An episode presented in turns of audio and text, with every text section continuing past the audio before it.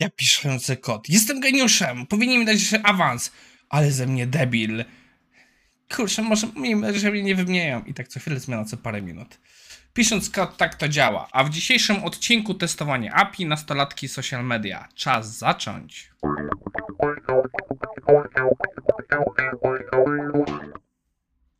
Cześć, nazywam się Maciej Wrodek, a to jest odcinek na 22 września 2022. E, ja dalej jestem na urlopie, to już się powoli zbliża do końca. E, właśnie najprawdopodobniej się op opalam w Grecji, jeśli nic się złego nie wydarzy. E, będę wracał w przyszłym tygodniu, już powinienem być na miejscu, ale jeszcze na wszelki wypadek mam zapasy tych dwóch odcinków nagranych. Od października wracamy do standardowego sposobu nadawania. Anyway, zaczynamy nasz pierwszy artykuł. Naszym pierwszym materiałem jest o testowaniu API, ale ja bym powiedział, że to takie nie, nie do standardowe API, tylko bardziej się patrzyli w czymś, co bym nazwał backend for frontend. Czyli używamy narzędzi deweloperskich w przeglądarce do testowania API i autor tutaj właśnie pokazuje dużo fajnych rzeczy. Nie mi się wydaje to oczywiste, ale coraz bardziej mam, dowiaduję się, że spora ilość testerów nie potrafi z tego narzędzia korzystać. Nawet testerzy automatyczni rzadko kiedy wychodzą poza inspektor doma. No, autor zaczyna od pokazania, jak to wszystko zrobić, jak można wejść. Ja bym przy okazji wam zaznaczył, jak otworzycie sobie, e, bo to jest chyba jedna z moich ulubionych funkcji, jak macie otwartego Developer Toola i naciśniecie prawym przyciskiem na refresh, macie dwie dodatkowe opcje refresha, hasha, e, które pomagają przy testowaniu. E, następnie autor przechodzi przez różne przykłady, korzysta do tego z pewnej strony, nazywa się ona Regress, podejrzewam, że to jest firma, z którą pracuję.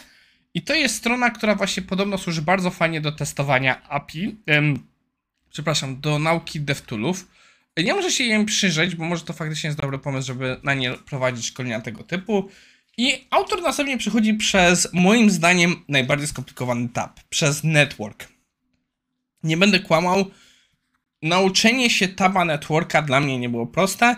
Mimo, że ja spędziłem dużo czasu na studiach bawiąc się narzędziami jak Wireshark i też nieraz używałem Fiddlera. Do dziś dzień zdarza mi się korzystać z Fiddlera zamiast Network Taba, bo jednak Fiddler czasem jest dla mnie bardziej intuicyjny.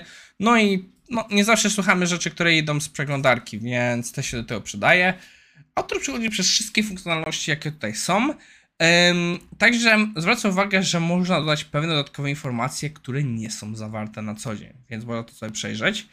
E, następnie autor omawia coś, co jest ważnego. I tu widzę pewną zmianę, bo ja nie jestem pewien, żeby, żeby to wcześniej było w ty, tym tabie. Mi się zdawało, że wcześniej to się ustawiało gdzieś indziej.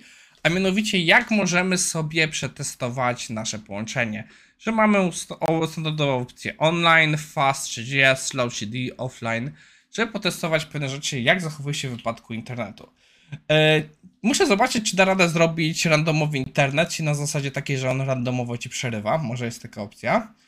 E, no i jest tutaj dużo dodatkowych informacji e, temu poświęconych. Naprawdę, jeśli nie korzystaliście z Network Taba, Wydaje mi się, że to jest dobre miejsce do przejścia się przez te rzeczy. Nie nauczy was to API. Jeśli moim zdaniem, żebyście w pełni skorzystali z tego e, artykułu, warto jest wpierw trochę poczytać podstawy API, żeby rozumieć, co to jest header, co to jest e, cookies, autentykacja i tak dalej, i tak dalej. E, to nas prowadzi do naszego następnego artykułu e, o młodzieży. Jakiś czas temu wyszedł ciekawy raport poświęcony młodzieży w USA i jak się zmieniły ich trendy. To, co mi się trochę nie podoba w tym raporcie, bo jeśli dobrze rozumiem po jego przeczytaniu, jest to ym, ankieta, która jest powtórzona po raz pierwszy i jej poprzednia edycja była w 2014 roku, czyli mamy 8 lat, czyli dosłownie mamy zmianę pokolenia i jakkolwiek z wypadku patrzenia na młodzież, nastolatków, może to być dobrym rozsądkiem. Niestety dużo wydarzyło się w tym e, markecie w tym czasie. Ja na przykład się bardzo zdziwiłem, że TikTok istniał w 2014. Ja na przykład kompletnie nie byłem świadom TikToka, że wtedy istniał. Jakby ktoś mnie zapytał, ja bym powiedział, że TikTok to jest e, no, wynalazek przynajmniej 2018.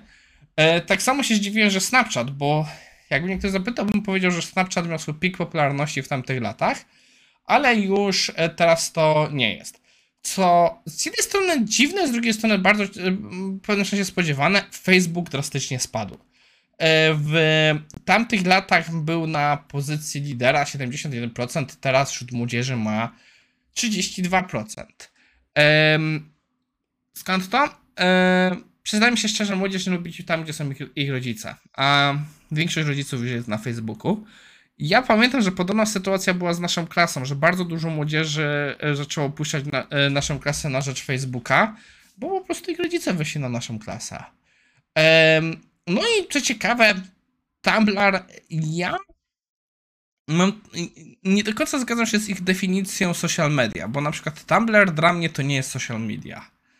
To jest platforma mikroblogowa, więc to jest naciągana definicja. Reddit no Reddit ma społeczność, ale jeśli już idziemy Redditem, to bym się zastanowił, czy w takim wypadku fora to nie są tak, że e, coś, co się gdzieś powinno tutaj pojawić. WhatsApp by mnie zaskoczył. Naprawdę WhatsAppa się to nie spodobałem, działałem to zobaczyć. Twitch jestem w stanie zrozumieć i YouTube drastycznie na samej górze.